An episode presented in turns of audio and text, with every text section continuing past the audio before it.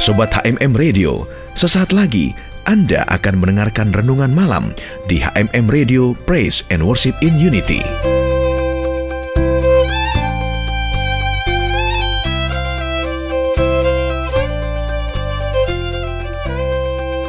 Shalom Sobat HMM Radio Kita bertemu kembali dalam program Renungan Malam Sobatku tentu anda dan saya masih teringat dengan Daniel, orang yang sangat bijaksana pada zaman itu.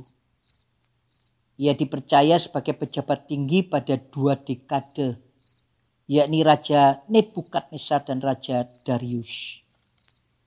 Sobatku dalam Daniel 12 ayat yang ke-10, ia menyatakan di akhir zaman, banyak orang akan disucikan dan dimurnikan dan diuji tetapi orang-orang fasik akan berlaku fasik. Tidak seorang pun dari orang fasik ini akan memahaminya. Tetapi orang-orang bijaksana akan memahaminya.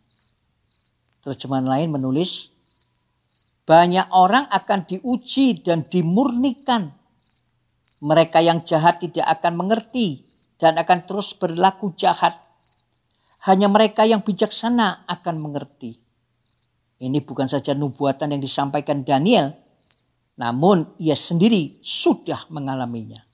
Sobatku, topik yang akan kita renungkan bersama malam ini adalah tindakan orang yang bijaksana. Di akhir zaman ini akan digenapi oleh Tuhan. Sobatku, ketahuilah bahwa tindakan bijaksana bukan hanya predikat yang bisa didapatkan oleh orang dengan usia yang sudah mapan saya yakin generasi milenial pada zaman now ini juga nyatanya tidak kalah bijak dari mereka yang sudah usia sepuh dalam tanda petik.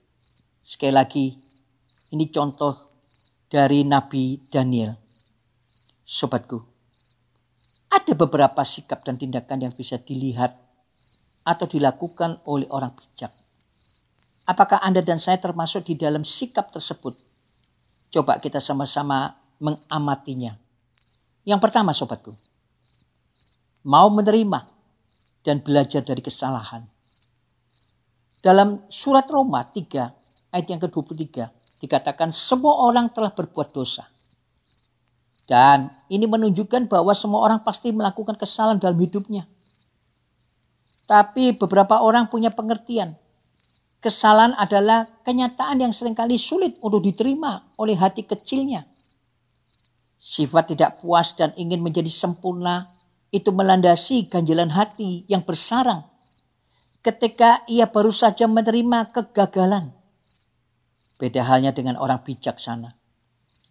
Mereka sangat berlapang dada dan bisa menerima kesalahan yang ada. Dari situ pula orang bijak belajar banyak hal yang bisa dijadikan tuntunan saat menjalani kehidupan kelanjutannya. Ingat, Kesalahan adalah jenjang menuju keberhasilan. Lalu sobatku yang kedua, apakah kita punya sifat yang bijaksana? Yang kedua, berani mengambil resiko. Sobatku, ingat ketika Musa mengutus 12 pengintai ke tanah Kanaan. 10 orang menunjukkan iman yang lemah dan laporannya melemahkan namun hanya Yosua dan Kalab yang berani mengambil risiko. Yang kedua, masih ingat empat orang sakit kusta yang ada di depan pintu gerbang Samaria. Mereka berkata satu sama lainnya, apa gunanya kita duduk-duduk di sini menunggu mati? Jika kita masuk ke kota, kita akan mati kelaparan. Dan jika kita tinggal saja di sini, kita akan mati juga. Baiklah kita ke perkemahan orang Syria. Paling-paling kita dibunuh oleh mereka. Tetapi ada kemungkinan juga kita tidak diapa-apakan. Sobatku ini ceritanya bisa diambil dan didengar ulang kembali dua raja-raja pasal ke-7 ayat 3 sampai 4. Nah, mereka berani mengambil risiko. Dan akhir kisahnya ternyata bangsa Syria sudah melarikan diri kotanya kosong, ditinggalkan. Lalu mereka masuk ke perdagangan bangsa Syria itu. Mereka makan minum di situ dan mengambil emas, perak, serta pakaian-pakaian, lalu pergi menyembunyikannya. Dan setelah itu mereka kembali lagi dan memasuki kemah yang lain. Lalu mereka melakukan hal yang sama.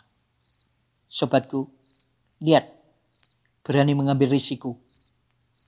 Dan ujungnya membawa keberhasilan. Di dunia marketplace, sobatku, pasti Anda dan saya pernah dengar istilah high profit, high rise. Artinya, mau dapatkan keuntungan besar pasti juga akan mengalami resiko besar. Sobatku, kita harus menjadi orang yang bertindak bijaksana walaupun besar resikonya. Seperti kisah yang tadi saya sampaikan. Sobatku, keberhasilan bisa berawal dari berbagai hal. Misalnya kesempatan besar atau momentum yang tak terkira yang memiliki tingkat risiko tinggi. Sebuah pepatah lama mengatakan take it or leave it. Maka kalau kamu memilih untuk mengambil kesempatan tersebut, take it artinya kamu orang yang bijak. Berani bertindak, bertanggung jawab, dan tidak takut mengambil risiko. Lalu yang ketiga, memiliki daftar prioritas hidup. Untuk mencapai puncak dari kemenangan dan keberhasilan, maka orang-orang bijak biasanya memiliki daftar prioritas hidup. Sehingga hidup mereka terarah dan jelas ke mana tujuan akhirnya. Sobatku, sudah tahu kan prioritas hidup kita? Nomor satu adalah bagi Tuhan segala-galanya. Kedua, keluarga.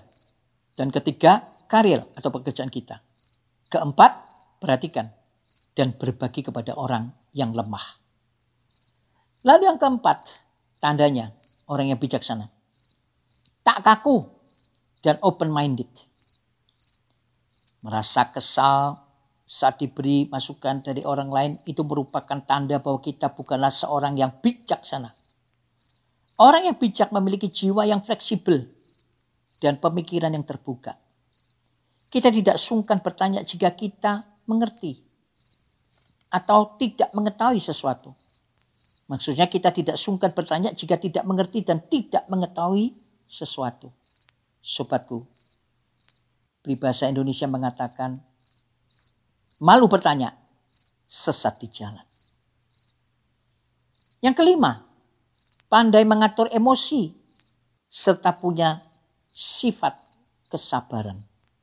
Sekali lagi, ini bicara karakter, bicara integritas, Emosi yang berapi-api bukanlah sesuatu tindakan yang dilakukan oleh seorang yang bijak. Marah-marah hanya akan membuang energi dan tidak menguntungkan sama sekali. Fisik jadi sakit, tekanan darah kita tinggi, asam lambung kita jadi naik. Dan itu bisa merusak fisik kita. Bahkan hubungan kita dengan orang yang bersangkutan juga rusak. Mereka yang bijak akan bersabar sambil mencari jalan keluar dengan pikiran yang tenang. Sobatku masih ingat Yesaya 30 ayat yang ke-15? Tuhan yang maha tinggi, Allah kudus Israel berkata kepada umatnya. Bertobatlah dan tetaplah tenang. Maka kamu akan ku selamatkan. Percayalah kepadaku dengan hati yang tentram. Maka kamu akan kukuatkan. Yang keenam sobatku, tanda orang yang bijak. Selalu berpikir positif. Sobatku ingat nasihat Paulus di dalam Filipi 2 ayat yang kelima. Hendaklah kamu dalam hidupmu bersama menaruh pikiran dan perasaan yang terdapat juga dalam Kristus Yesus. Terjemahan lain mengatakan, hendaklah kalian berjiwa seperti Yesus Kristus.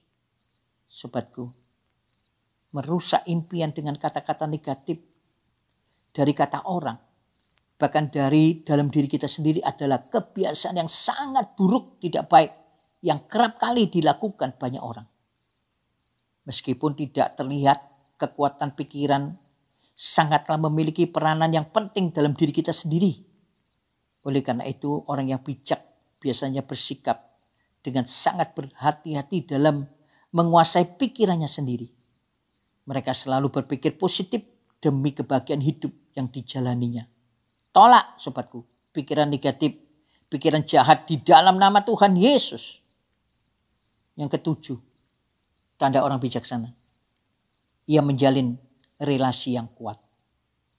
Orang bijak tahu betul bahwa relasi adalah salah satu kunci utama di dalam kesuksesan dalam kehidupannya.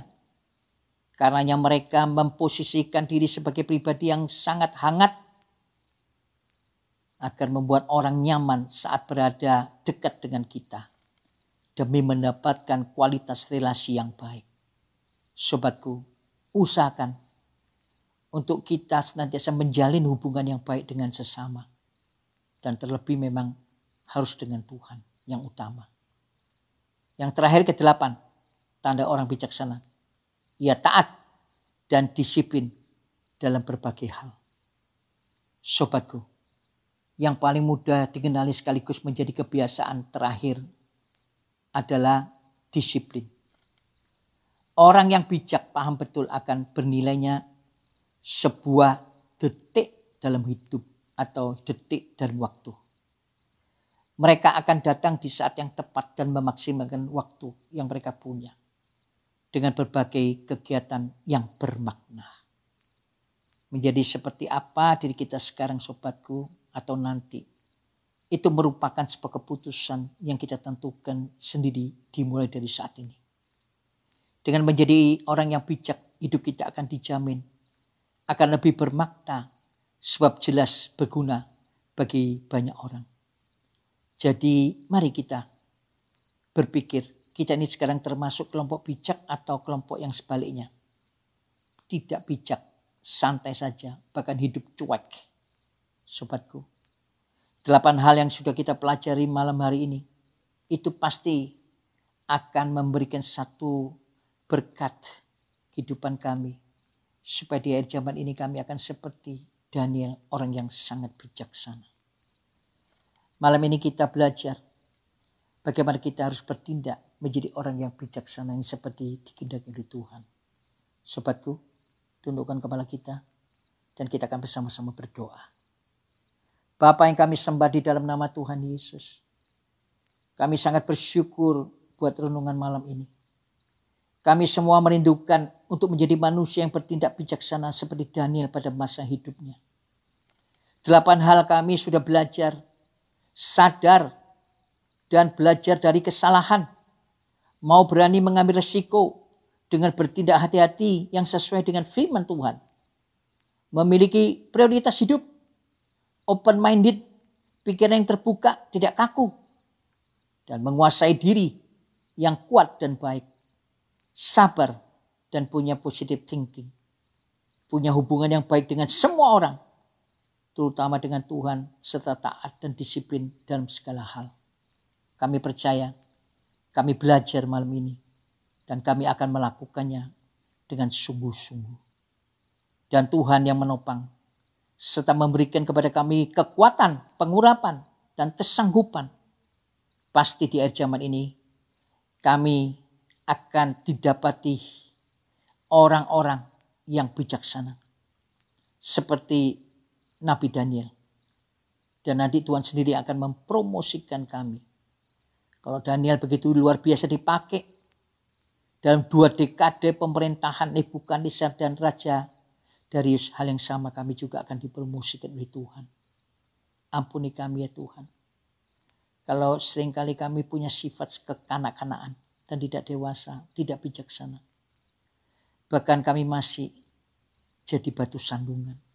Sekali lagi ya Tuhan, tolong berikan kami pengurapan. Dan jikalau kami sungguh-sungguh dengan hati yang tulus dan benar, mau menjadi orang yang bijaksana, pasti Tuhan akan memberikan kemampuan bagi kami sekalian. Terima kasih buat malam yang indah ini Tuhan. Terima kasih. Dalam nama Tuhan Yesus, kami sudah berdoa dan mengucap syukur. Haleluya. Amin. Selamat malam sobatku dan sampai jumpa. Tuhan Yesus memberkati.